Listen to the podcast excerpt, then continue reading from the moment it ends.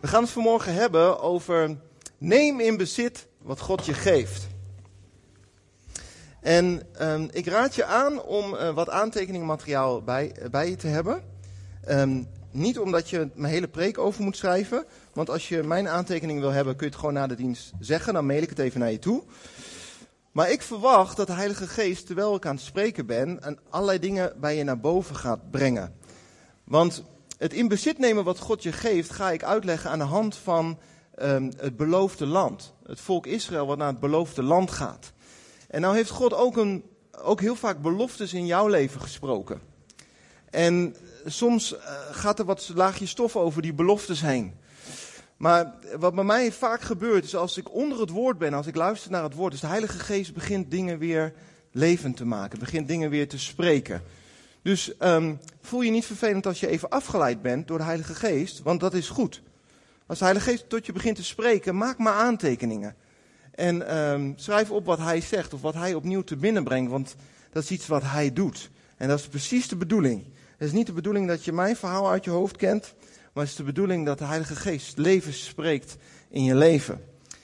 En um, wij gaan uh, lezen uit Deuteronomium 1. Anton, als je het erop wil halen van vers 21 tot 38. En daar um, geeft Mozes eigenlijk een soort samenvatting van wat er gebeurd is uh, terwijl ze naar het beloofde land trokken. En ik wil dat met jullie gaan lezen en daarna gaan we de versen analyseren. Dan zet ik even mijn stopwatch aan, want joh, ik kan hier wel uren over praten. Goed, Deuteronomium 1 vanaf vers 21. Zie, de Heere uw God heeft het land aan u gegeven. Trek op. Neem het in bezit, zoals de Heere, de God van uw vaderen, tot u gesproken heeft. Wees niet bevreesd en wees niet ontsteld. Toen kwam u allen naar voren naar mij toe, dus naar Mozes, en zei: Laten wij mannen voor ons uitsturen die het land voor ons verkennen en ons verslag uitbrengen langs welke weg wij moeten intrekken en bij welke steden wij zullen komen. Deze zaak nu was goed in mijn ogen. Dus nam ik twaalf mannen uit uw midden, één man per stam. Zij keerden zich om en trokken het bergland in. En zij kwamen tot aan het dal van Eskel en verkenden dat. Zij namen van de vrucht van het land mee, daalden weer naar ons af en brachten ons verslag uit en zeiden: Het land dat de Heere onze God geven zal, is goed. Maar u wilde niet verder trekken. U was het bevel van de Heer uw God ongehoorzaam. U moorde in uw tenten en zei: Omdat de Heer ons haat, heeft hij ons uit het land Egypte geleid om ons in de hand van de Amorieten te geven, om ons weg te vagen. Waar moeten wij heen trekken? Onze broeders hebben ons hart laten smelten door te zeggen: Het is een volk groter en langer dan wij. De steden zijn groot en hemelhoog versterkt. Wij hebben er zelfs Enakieten, dat waren reuzen van die gasten van bijna drie meter, gezien. Toen zei ik tegen u: schrik niet voor hen terug en wees niet bevreesd voor hen. De Heere uw God, die voor u uitgaat, hij zal voor u strijden overeenkomstig alles wat hij voor uw ogen in Egypte voor u gedaan heeft. En in de woestijn waar u gezien hebt dat de Heere uw God u gedragen heeft, zoals een man zijn zoon draagt, op heel de weg die u gegaan bent, totdat u op deze plaats gekomen bent. Maar ondanks deze woorden geloofde u niet in de Heere uw God, die voor u uitging op de weg om een plaats te zoeken om uw tenten op te zetten, s'nachts met het vuur, om u een weg te tonen die u moest gaan en overdag met de wolk. Toen de Heer uw woorden horen, werd hij zeer toornig en zwoer, niemand van deze mannen, van deze slechte generatie, zal het goede land zien dat ik gezworen heb aan uw vaderen te geven. Behalve Caleb, de zoon van Jefune. Die zal het zien en aan hem zal ik het land geven dat hij betreden heeft. En aan zijn kinderen, omdat hij erin volhard heeft de Heere na te volgen. Ook op mij, Mozes, werd de Heere toornig vanwege u. En hij zei, ook u zult er niet inkomen. Jozua, de zoon van Nun, die in uw dienst staat, die zal erin komen. Rust hem ervoor toe, want hij zal het Israël in erfbezit laten nemen. Tot zover. Dit, dit stuk zit boordevol lessen en we gaan ze één voor één met jullie eruit halen. Um, vers 21 beginnen we bij. Zie de Heer uw God heeft het land aan u gegeven.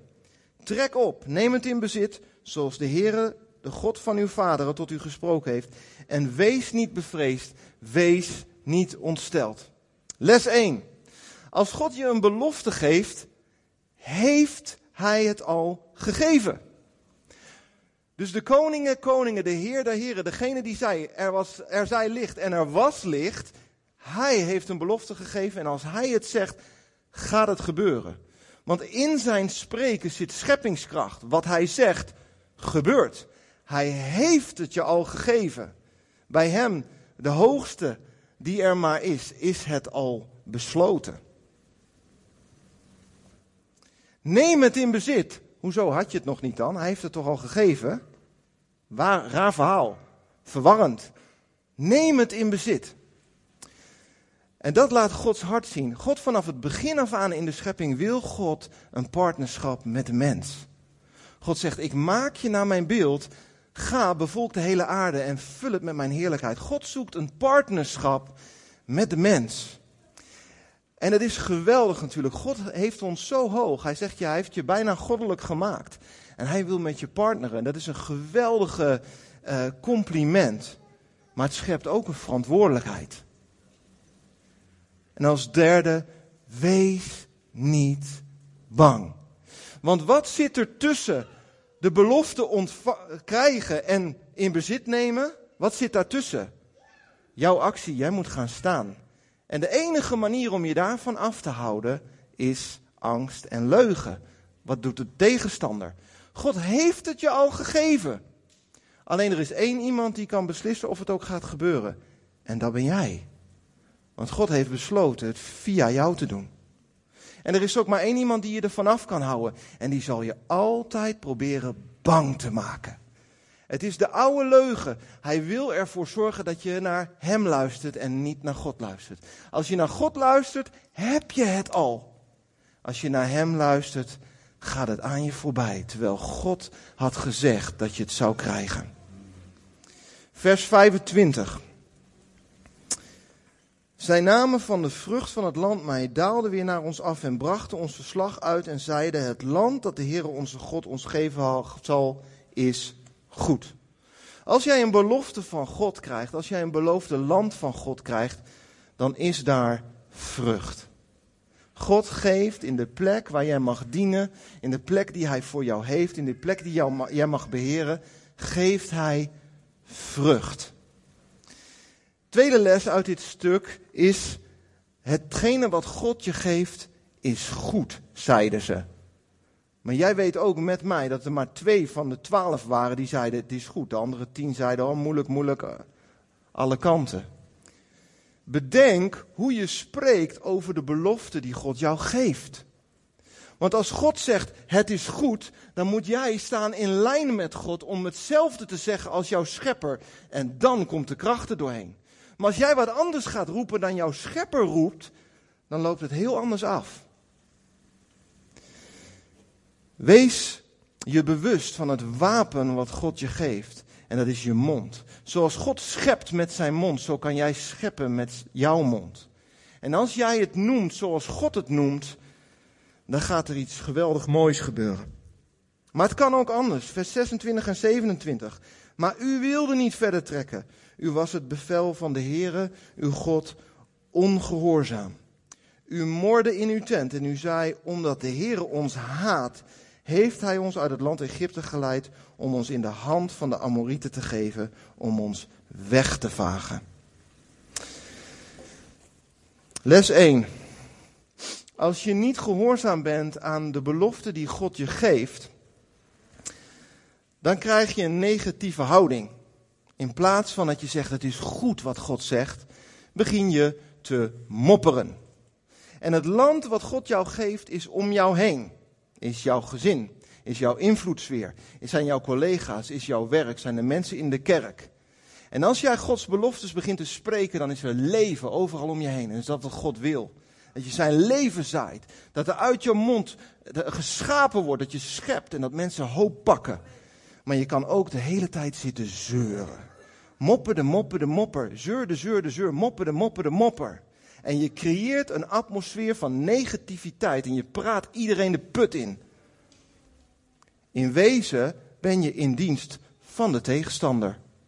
Want dat is wat hij wil doen. Hij wil zorgen dat je de hoop verliest en dat je helemaal in de shit wegzakt. Dat is wat hij wil. Leen je je mond ervoor? Hij wil niets liever dan dat je dat doet.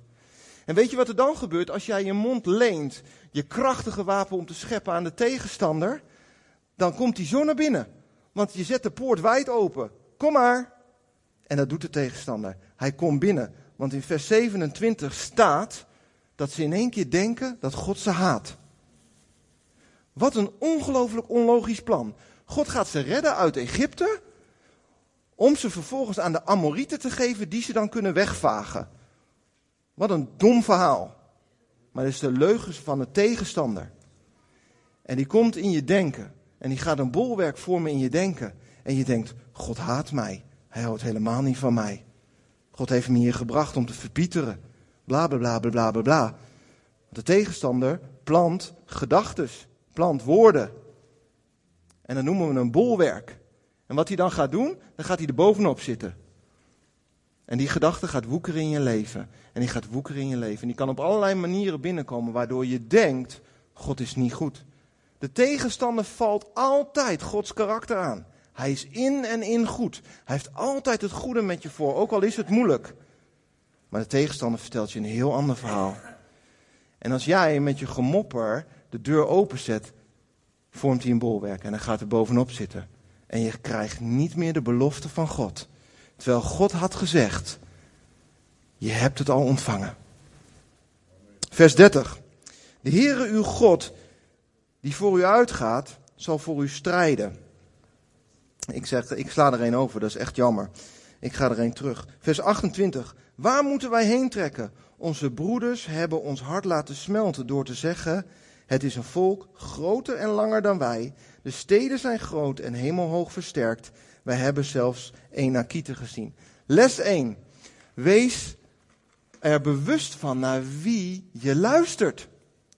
Want je broeders om je heen kunnen je hart week maken, zodat er van alles naar binnen kan komen. En als dat broeders zijn of zusters die je, je, je, je, je, je, je, je aan het doen zijn, dan moet je gewoon zeggen: hé hey, joh, ga je even met je, je, je even naar buiten, want ik wil hier niet naar luisteren. Ja?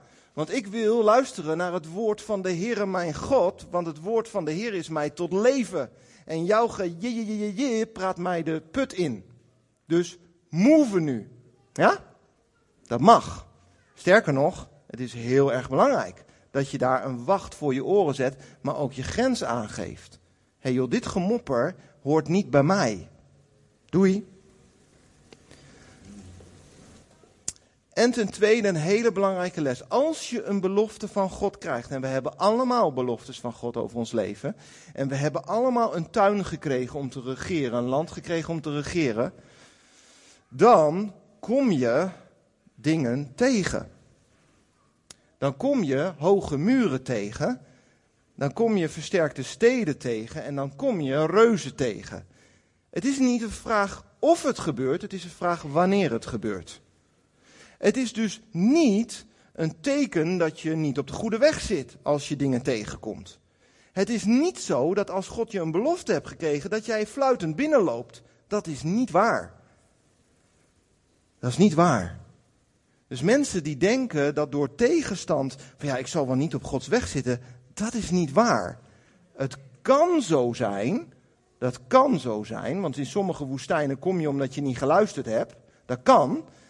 Maar het kan ook heel erg goed zijn dat God jou aan het trainen is. Waarom doet God dat? God wil dat jouw vertrouwen in Hem verankerd wordt. Kijk, want iedereen kan luisteren als er geen enkele andere stem is, want dan heb je immers niet eens een keus waar je naar luisteren. Maar als er allemaal stemmen zijn en allemaal moeite, als je dan luistert naar de ene, dan heb je hem te pakken. En die lijn die wordt niet snel verstoord op het moment dat jij door alle ruis heen naar hem luistert. En hij wil dat zijn woord in jou verankerd wordt, zodat het een gewicht van heerlijkheid gaat bewerken, zegt de Bijbel. Elke keer als je God vertrouwt door een crisis heen, gaat het een gewicht in je vormen. Je kijkt wel eens naar geloofshelden op, naar mensen die van allerlei dingen met God aankunnen. Ik heb nieuws voor je, dat gebeurt niet overnight. Dat gaat stap voor stap voor stap voor stap. Je vertrouwt God klein en iets groter en iets groter en iets groter. En dan komt de grote uitdaging. Maar er is een gewicht in jou opgebouwd van al 20, 30 keer geluisterd naar God. Hoewel het moeilijk voor je was, hoewel je er doorheen moest. Maar dan, als die dag komt dat jij moet staan voor de overwinning, weet je dat je God vertrouwt. Zo versloeg David Goliath. Want hij had eerst een leeuw gehad en een beer gehad. Hij was geoefend in het vertrouwen van God. God wil je veel toevertrouwen. Maar het kan alleen als je veel vertrouwen hebt. En dat bouwt zich op, stap voor stap. Onthoud dat goed. Want het is zoals het koninkrijk werkt. Vers 30. De Heer uw God die voor u uitgaat, hij zal voor u strijden. Overeenkomstig alles wat hij voor uw ogen in Egypte gedaan heeft. Als jij een muur ziet en als jij een reus ziet en je wordt daardoor zo bang dat je gaat mopperen en dat je leugens in je denken komen, dan vertelt mij dat één ding. Je hebt gerekend met je eigen kracht. Want als je rekent met je eigen kracht, ga je nooit winnen. Ik kan een reus niet aan. Ik ben maar beperkt in mijn kracht. En ik heb reden om depressief te worden als ik die reus zie en ik moet het met mijn kracht doen. Dan heb ik alle reden om in de put te gaan zitten, want dat gaat ook niet goed komen. Maar wie had er iets beloofd? Het was de koning der koningen, de heer der heren. Degene die sprak en het was er. Hij heeft het beloofd. En in zijn woord zit zijn kracht. De Heere zal voor u uitgaan.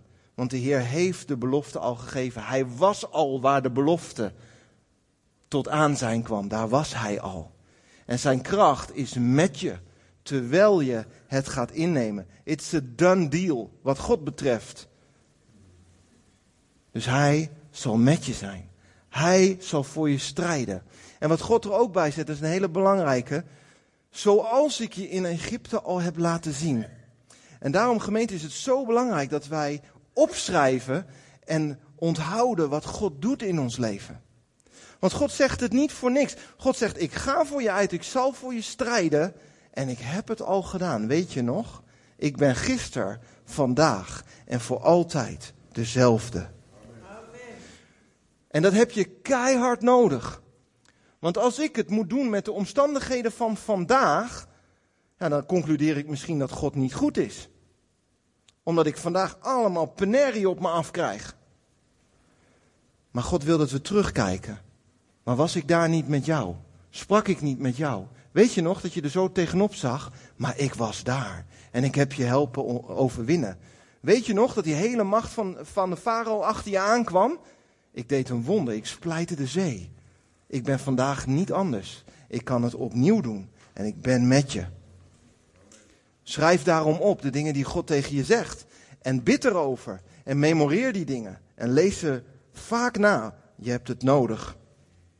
En in de woestijn, waar u gezien hebt dat de Heer uw God u gedragen heeft, zoals een man zijn zoon draagt, en op heel de weg die u gegaan bent, tot u deze plaats gekomen bent.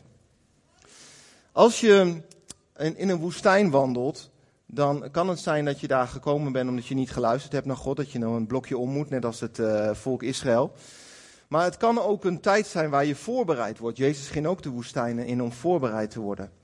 En in de woestijn gebeuren er een aantal dingen. In de woestijn krijg je dorst. En God wil dat we dorstig zijn naar Hem.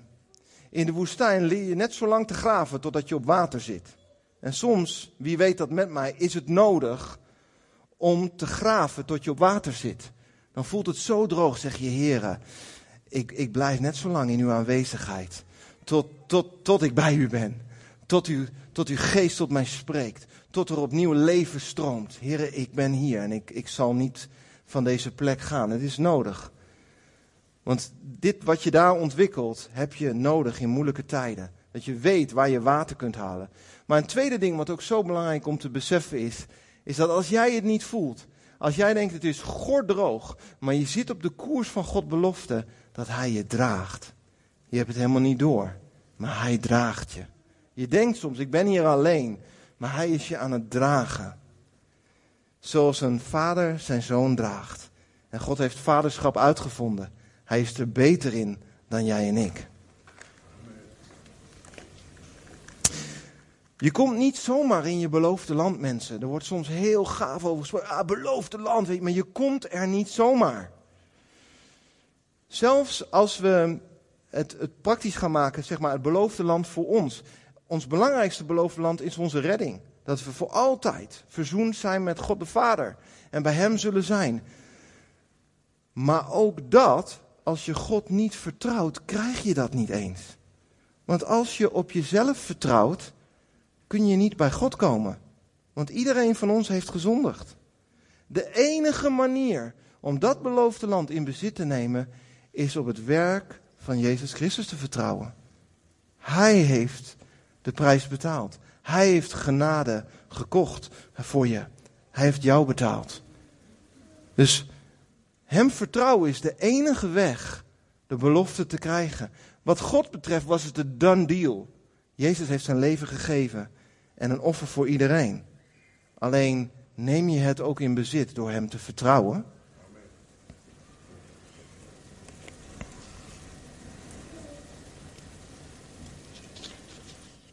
Je ziet dat een hele generatie niet het land beërfde. Waarom? Omdat ze God niet vertrouwden. En dat is heftig, maar dat is wel waar. En het geldt ook voor de beloftes die wij krijgen van God hier en nu. Als we God niet vertrouwen en we luisteren meer naar de tegenstander en laten ons beangstigen gaan mopperen, krijgen we leugens in ons denken en zijn we niet in staat te ontvangen dat wat God al gegeven had. Super belangrijk. Ik ga met jullie naar Exodus 23 vanaf vers 27. Want er zijn ook een aantal lessen over hoe je je land in bezit krijgt van God.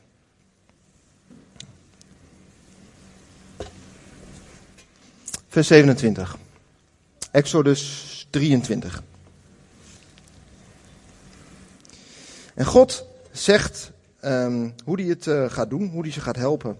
De schrik voor mij, dat is voor God, zal ik voor u uitzenden.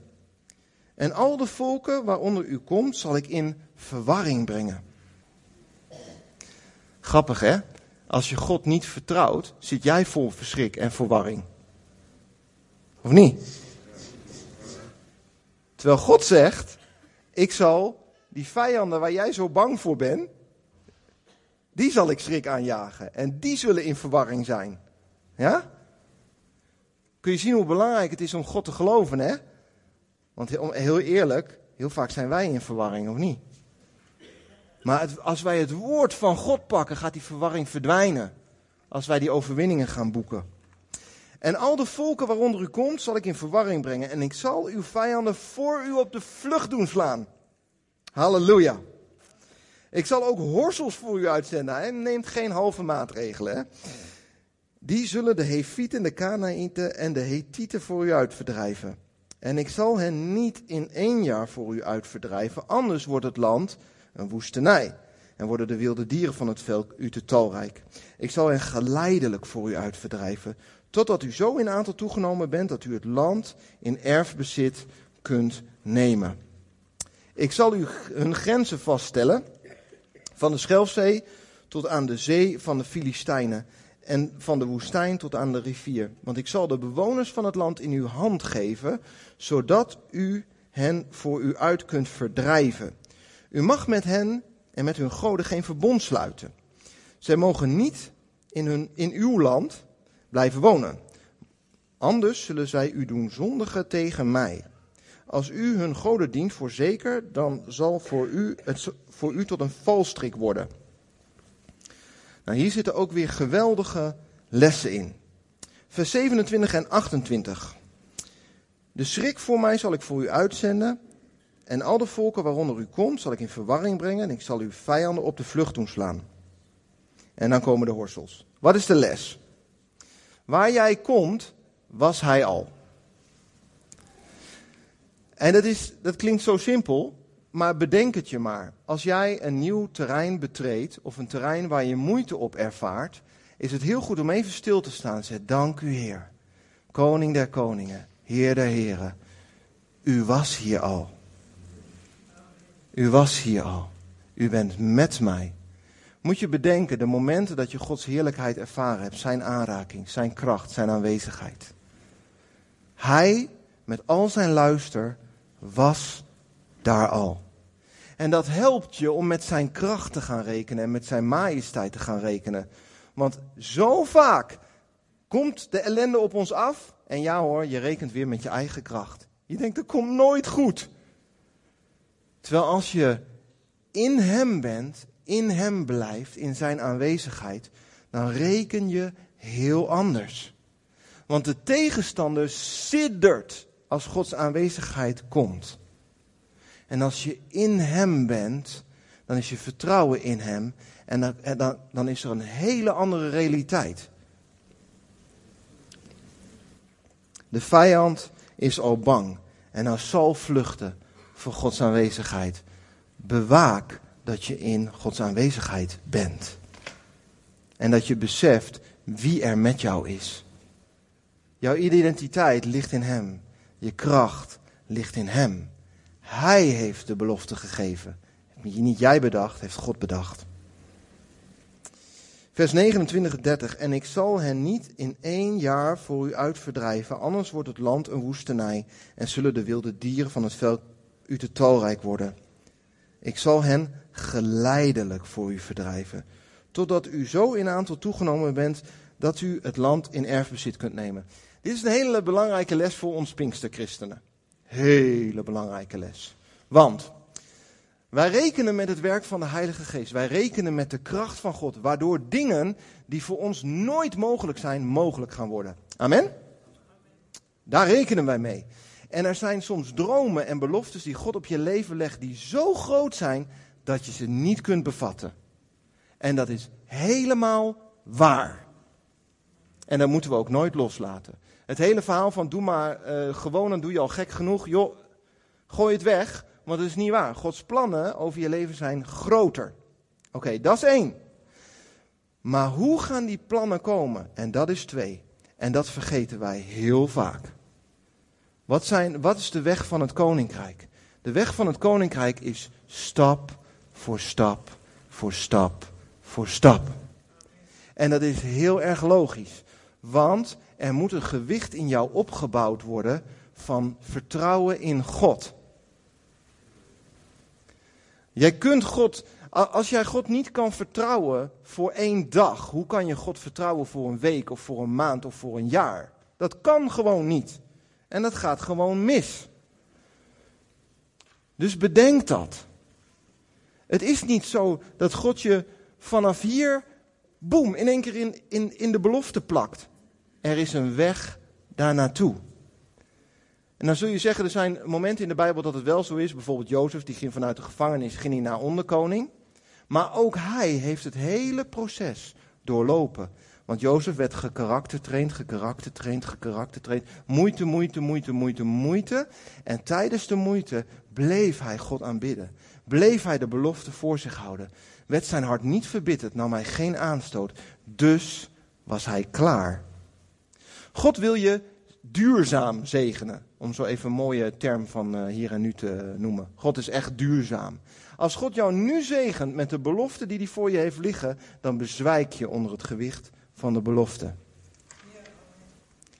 Als ik nu premier van Nederland zou worden, nou, een halve dag denk ik, dan lig ik jankend op mijn onder mijn bureau. Maar als God wel een belofte zou hebben, dan zou Hij mij trainen van stap tot stap tot stap. Zodat ik zou leren kennen hoe werkt een ministerie, hoe werken ambtenaren, hoe werkt het met politiek, hoe werkt het met invloed, hoe ga je om met kritiek. Wat moet je allemaal wel niet weten voordat je zoiets kunt. En zo is het ook met een grote belofte die God je geeft. Denk niet, het kan niet met jouw kracht. Maar zeg, Heere, wat wilt u mij nu leren? zodat ik daar kan komen. Als jij land bezit en je zorgt er een tijdje niet voor, wat gebeurt er dan? Staat vol met onkruid. Ellende krijg je vanzelf. En voor je het weet is het zo overwoekend dat je denkt, oh, en dat je de moed in de schoenen zakt. Dat is wat God ook doet.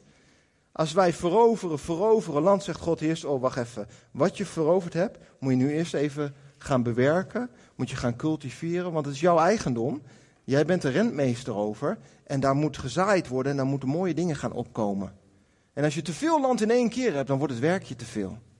En dan kan je niet een goede rentmeester zijn. Als je dat naar geld vertaalt, want dat wil ik ook even heel bewust doen. Spreuken 13 zegt, vers 11, rijkdom die je zomaar krijgt, ben je snel weer kwijt. Er zijn ook christenen die denken, oh, bij God is alles mogelijk. Als ik nou morgen de loterij win, oh, ik moet kijken wat ik dan allemaal kan. Het is goed om zo te denken, om je, om je, om je uh, fantasie aan de gang te brengen. Wat zou er nou gebeuren als je niet met geld hoeft te rekenen? Top, doen, hartstikke goed. Maar het is totaal niet het principe van het koninkrijk hoe jij rijkdom verwerft. Sterker nog, het is een armoede mindset als je die hebt. Weet je waarom? Het vertelt jou, ja, hier en nu kan ik niks, hier en nu kan ik niks, hier en nu kan ik niks. Maar als het lot nu komt, dan heb ik alles. Dat is helemaal niet waar. God zegt, ik ben met je, dag voor dag. En ik wil je leren, ik wil je opvoeden, zoals een vader zijn zoon opvoedt, zodat je kunt gaan staan, zodat je kunt verdienen wat nodig is. En ik zal je voorzien, stap voor stap. Dat is wat God zegt. Google maar eens voor de gein wat er met lotto-winnaars gebeurt. Er zijn heel veel lotto-winnaars die in één keer een grote som geld krijgen en ze kunnen het gewicht niet dragen. En ze bezwijken. En ze wouden dat ze het nooit hadden gewonnen. Dus als jij die mindset hebt, het is een mammon, armoede mindset. Geloof God voor de dag van morgen. Voor de stappen die jij moet nemen om te kunnen groeien. Om in bezit te kunnen nemen wat God je beloofd heeft. Wat is je beloofde land? Het mooiste wat God jou kan geven, is Hij zelf. Dat is het allermooiste. Het allerbeste wat God je kan geven is de connectie met Hem. Je beloofde land is je redding, is Gods aanwezigheid in je leven. En Efeze 1, 14 zegt dat de Heer ons de Heilige Geest heeft gegeven als onderpand van de erfenis, van de belofte. Hier en nu. En als de Heilige Geest komt, zegt, zegt het woord, daar komt het koninkrijk van God. En is wat God wil. Dat de Heilige Geest elk onderdeel van jouw leven onder zijn gezag gaat brengen. Zijn koninkrijk daar gaat brengen. En dan, dan komt er bloei. Dan komt er erfdeel. Dan komt het beloofde land voor jou, wordt heel duidelijk zichtbaar. Dus als je dat wil cultiveren, neem tijd met de Heilige Geest. En zeg, heren, welke terreinen in mijn leven wilt u nog koning zijn? Want dan gaat de boel in bloei staan. En heel praktisch, het land wat God je nu al gegeven heeft, is jouw invloedssfeer. En zijn de mensen om je heen. En dat begint heel dichtbij. Je kunt een geweldige bediening willen hebben, maar als je je vrouw slaat, dan gaat het niet goed komen. Toch? En minder dan slaan mag ook. Dan gaat het ook niet goed komen. Als jij je vrouw of je man met disrespect behandelt, dan is daar helemaal geen koninkrijk. Dan is het gewoon een puinzooi. Dus het begint heel erg dichtbij. Heb je man lief? Heb je vrouw lief? Zorg voor een cultuur van eer bij, ons bij je thuis.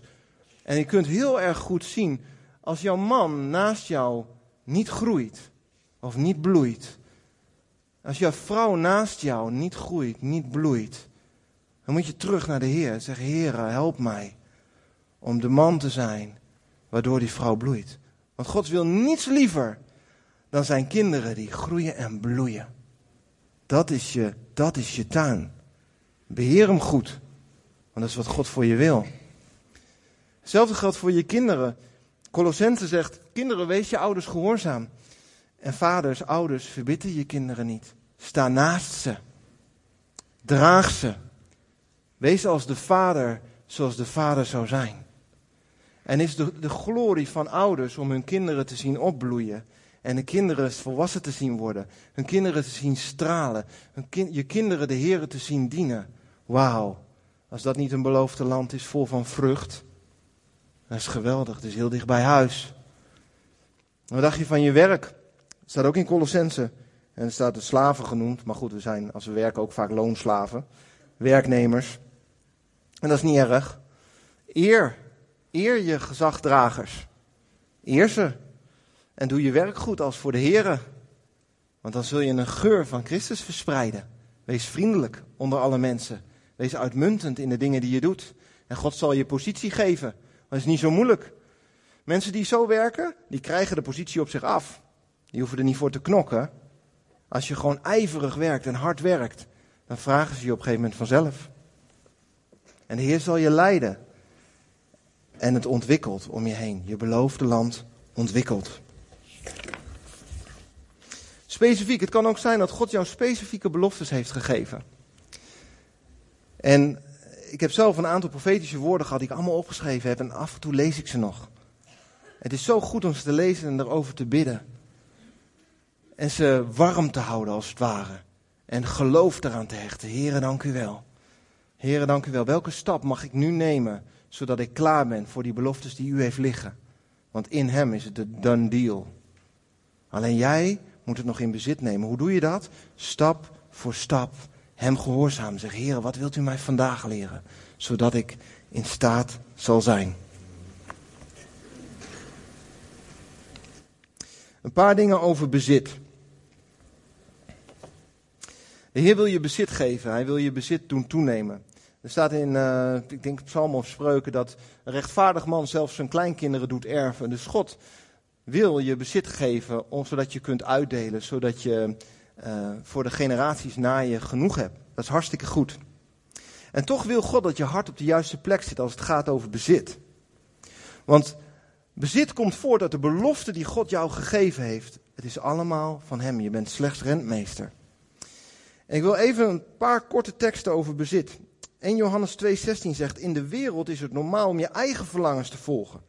Het is daar normaal om alles wat je ziet te willen hebben. Het is wel van deze tijd, hè? En om over op te scheppen wat je bezit. Zulk gedrag hoort bij de wereld en niet bij de Vader. Matthäus 16, 26. Stel dat je de hele wereld in bezit krijgt. Wat heb je eraan als je je leven verliest? Het eeuwige leven is niet te koop. Spreuken 3 vers 9 zegt, vereer de Heer met je bezit, met de eerstelingen van heel je opbrengst. Spreuken 8, 18 zegt, rijkdom en eer is bij mij, zegt God. Duurzaam bezit en gerechtigheid. 2 Korinthe 9 vers 8. En daar komt ook vaak um, je beloofde land weer kijken. God heeft de macht om jullie al het goede te schenken. Hij kan jullie alles geven wat je nodig hebt. Zelfs zoveel dat jullie altijd meer dan genoeg hebben en veel overhouden om anderen uit te delen. Besef wat je ontvangen hebt van de Heer, dat het van Hem is, dat je slechts rentmeester bent. Het is zo belangrijk om eens, om eens stil te staan bij wat God je allemaal gegeven heeft. En een hart vol van dankbaarheid te ontvangen. Je weet zelf, het is leuk om te geven aan iemand die dankbaar is. En daar kan je toevoegen. Want die gaat er dankbaar en goed mee om. Maar wat heb je dan zoal gekregen? Je hebt je leven van God gekregen. Je tijd. Geef hem je tijd. Geef hem je aanbidding. Geef hem je dankbaarheid. Wees een goede rentmeester over je tijd. Je talenten heb je van God gekregen. Lieve mensen, God heeft zo'n mooi design gemaakt van jou. Hij heeft talenten in jou gestopt. En als, als jij nou de designer bent, wat wil je dan van je design? Dat het tot bloei komt. Dat het dat doet waarvoor je het gemaakt hebt. Dus alsjeblieft, hou op met bescheiden te zijn over je talenten. Er zijn zoveel mensen die niet durven hun talenten ontwikkelen, omdat er negatief gesproken is, omdat, er, omdat ze gekleineerd zijn in hun leven. God kleineert je niet. God wil dat je tot bloei komt. Zeg, mijn lieve zoon, mijn lieve dochter, dat wat jij hebt, jouw talenten, dat heb ik in jou gelegd. En ik wil dat je het ontwikkelt. En ik ben trots op je als ik je zie schijnen. Lieve mensen, wees nou niet bang dat je meteen arrogant wordt als je schijnt. Tegen de tijd dat je arrogant wordt, zeggen we dat wel tegen je. Echt waar, schijn eerst maar. En met alles wat je doet, weet je, als je God aanbidt met heel je hart, ontwikkel je talent. Je wordt niet snel arrogant. De Hemelse Vader zal je dat ook zeggen als je in een intieme relatie met Hem blijft. Als jij gevoel hebt voor handel, maak winst. Wees een businessman als je daar gevoel voor hebt gekregen. Het eert God. Waarom? Hoe gaat de business community naar je luisteren als je, luisteren als je geen winst maakt? Dan gaan andere zakenmensen toch niet naar je luisteren? Dan denken ze, ja, dit is een prutser die nooit wat verdient. Waarom zou ik naar hem luisteren? God plaatst je op die positie zodat je een stem hebt daar. En je zijn aanwezigheid kunt brengen op het level waar je gesteld bent. Als je nou een kunstenaar bent, maak een mooi kunstwerk. En mensen zullen versteld staan. Je kunt uitleggen wie de Vader is via je kunstwerk. We hebben dat hier in ons midden zien gebeuren. En ga zo maar door. Wees goed in wat je doet. Ontwikkel wat je doet. En God geeft je een stem bij mensen, zodat je zijn heerlijkheid naar binnen kan brengen. Dat is één van de manieren. God heeft veel meer manieren. De gaven van de Heilige Geest. We zijn niet voor niks begonnen met het spreken in tongen. Gebruik ze. Wees een goede rentmeester erover. Als je tongentaal hebt ontvangen, spreek elke dag in tongen. Want je hebt het nodig om vol te zijn. Als je het profetisch woord ontvangen hebt, ontwikkel je daarin. Want je weet dat er zoveel door jou heen gaat en dat dat aan alle kanten nog wel wat bijschaving nodig heeft. Maar ja, dat gaat niet gebeuren als je niet oefent. Dus blijf oefenen, ontwikkel het. Want het is zo'n krachtig wapen wat God spreekt. Hij spreekt dwars door de lagen heen, bam, en het raakt iemand aan. En als jij die gave hebt, ontwikkel hem. En wees alsjeblieft nooit geringschattend, vijf minuutjes, gaat goed komen. Wees nooit geringschattend over wat God je geeft. Denk aan de vijf broden en de twee vissen. Als jij je lunchpakket aan God geeft, kan Hij er een menigte mee voeden. Dat is wat God gaat doen. Ik ga afronden. Hoor ik net.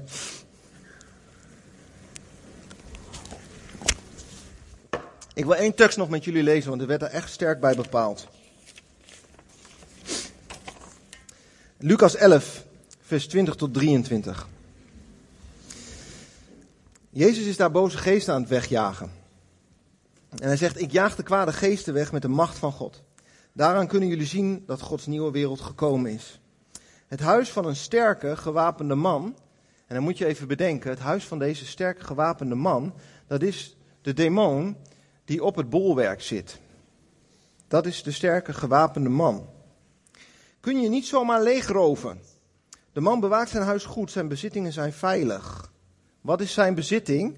Zijn bezitting is de gedachte in jou. God haat mij, heeft mij in beloofd land gebracht om me dood te maken. Dat is zijn bezitting. Tot er iemand komt die nog sterker is, halleluja, en hem verslaat. Dan verliest de man alles. Al zijn spullen worden meegenomen, ook zijn wapens waarop hij vertrouwde.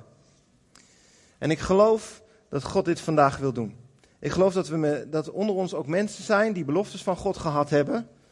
En om wat voor reden ook heb je geloofd in de leugen van de tegenstander. Dat je zei, ja, je kan het allemaal niet. En dat klopt, je kan het ook niet uit jezelf. Maar God heeft de belofte gegeven, niet jij. En je bent misschien gaan mopperen. Of je bent je laten, heb je laten intimideren door de angst. En er zijn gedachten in je gevormd, om wat voor reden dan ook. Misschien deden mensen wel lelijk. Er zijn gedachten in je gevormd. Ja, God, God ziet het niet zitten met mij. Voor mij is er geen beloofd land. Heeft allerlei andere mensen wel, maar voor mij niet. En die gedachte komt helemaal niet van God. Die komt totaal rechtstreeks van de tegenstander. En hij is er bovenop gaan zitten. Hij denkt, mooi, die komt nooit meer bij zijn belofte. Vandaag is de dag dat je je kunt bekeren van deze gedachten. Vandaag is de dag dat je kunt zeggen, heren, ik wil opnieuw uw belofte omarmen. Ik wil dat uw woord in mijn mond is. Want u heeft het gezegd en u bent de machtige. Wie zal u tegenspreken? Hij heeft gewoon helemaal geen recht om die gedachten te planten. En ik neem afstand van die gedachten. Ook al vind ik het nog zo moeilijk, ik neem afstand. En op dat moment zal God je bevrijden van deze demonische macht. En hij zal opnieuw geloof in je gaan gieten voor dat wat God voor je heeft. Misschien is het je man die tot geloof moet komen. Misschien zijn het je kinderen. Het is jouw tuin. Het is jouw tuin. Wat ga je spreken? In de naam van Jezus. Wijk. In de naam van Jezus. Dit is het woord van God over mijn leven. Want ik ben de moeder. Ik ben de vader. God heeft mij macht gegeven.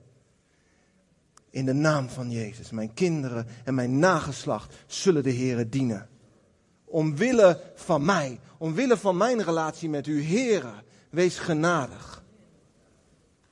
Laat de strijdbaarheid in je opkomen.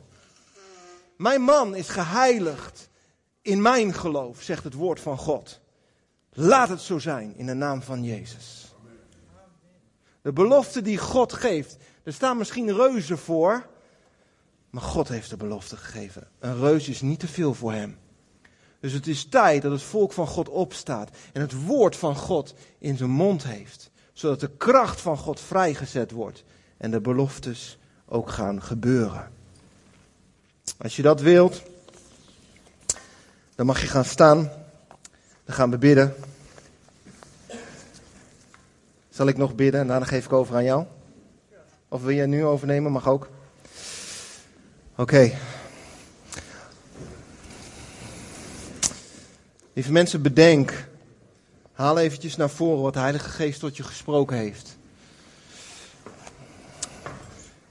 Bedenk even de belofte die de Heilige Geest voor je heeft. Die al eerder gesproken heeft.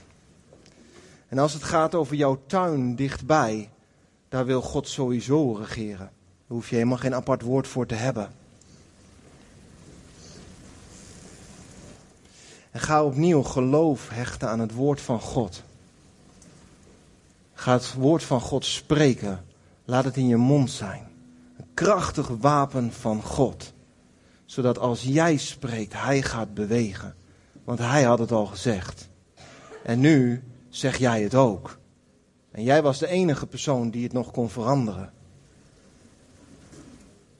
In de naam van Jezus, Vader God, we willen uw woorden omarmen. Vader God, dank u wel, u bent voor ons en niet tegen ons. Vader God, dank u wel dat geen macht tegen u kan standhouden. Dank u wel, heren, dat als uw stem klinkt, dat duisternis licht wordt. Dank u wel dat als uw stem klinkt, dat u schept. Dank u wel, Vader God, dat geen ding te moeilijk voor u is. Dank u wel, Vader, dat u de duisternis ontroond heeft. Dank u, Jezus, dat u aan de rechterhand van de Vader zit. Alle eer en glorie aan uw machtige naam. Hoor, wij pleiten in uw naam, Jezus. Dank u wel voor uw genade over onze levens. in de naam van Jezus, laat dromen opnieuw levend worden. In de naam van Jezus, laat uw woorden opnieuw levend worden. O Heere, stel ze voor ons alsof, het, alsof u ze opnieuw spreekt. Laat geloof uit de woorden, Heere, in ons binnenste neerdalen. Vader, laat uw woorden als een, als een fundament in onze geest verankerd worden. O, in u zijn we onwankelbaar. Dank u, Heer. In u zijn we onwankelbaar. En we bekeren ons vandaag, Vader, in de naam van Jezus, van elke leugen. O, Heer, vergeef ons dat we die leugen toestemming hebben gegeven om binnen te komen. O, Heer, soms zijn de omstandigheden zo overweldigend dat we ze gaan geloven dat ze de baas zijn. Maar dank u wel dat u de baas bent. En dank u wel, Heer, dat uw woorden scheppen en veranderen de omstandigheden. O Heere, vergeef ons dat we uw woord hebben aangepast aan de omstandigheden. Terwijl het bedoeld was om de omstandigheden voor altijd te veranderen. O Heere, vergeef ons en bevrijd ons van de duisternis die er bovenop is gaan zitten. O Vader, u bent zo goed, Heere. U bent niet tegen ons. U heeft ons niet bevrijd om ons vervolgens af te slachten. Wat een onzin. Vergeef ons, Heer, dat we die onzin geloofd hebben. O Heer, we willen U opnieuw geloven. O Heer, laat Uw kracht en Uw aanwezigheid zijn in onze levens. O, en als jij hier zit en je man of je vrouw kent de Heer niet.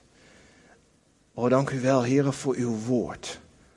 Dat in jou is jouw partner geheiligd. Dat betekent dat hij apart gezet is om de Heer te gaan leren kennen. In de naam van Jezus wijden de partners aan u toe, Heer. Zodat u kunt komen met uw aanwezigheid. Is het niet vandaag? Is het niet morgen? Is het niet volgende week? Is het niet volgende maand? Heer, we bijten ons vast in uw woord. Want wat u zegt, Heer, heeft meer kracht dan wat we nu zien. In de naam van Jezus. Laat uw scheppende woord, Heer, waarheid worden. Laat uw beloftes waarheid worden. O Heer, en als ouders over onze kinderen in de naam van Jezus. Vader God. Oh, en als jij dat bent, zeg het maar tegen de Heer. In de naam van Jezus. Vader God, ik wil dat mijn kinderen en mijn nageslacht u zullen dienen. Dat ze zullen zijn mannen en vrouwen Gods. Zodat uw werk niet verloren gaat, maar in de generaties doorgaat. Dit is Gods idee. Als jij je mond erachter zet, dan wordt de hemel krachtig over jouw kinderen. Laat het zo zijn, Vader God. Dank u wel dat u beloftes geeft. Zo groot. We kunnen het niet bevatten. Heere, geef ons de moed en geef ons de kracht om stap voor stap, dag na dag, te groeien in vertrouwen in u, zodat wij die belofte kunnen beërven. In de naam van Jezus. En zo zal het zijn. Amen.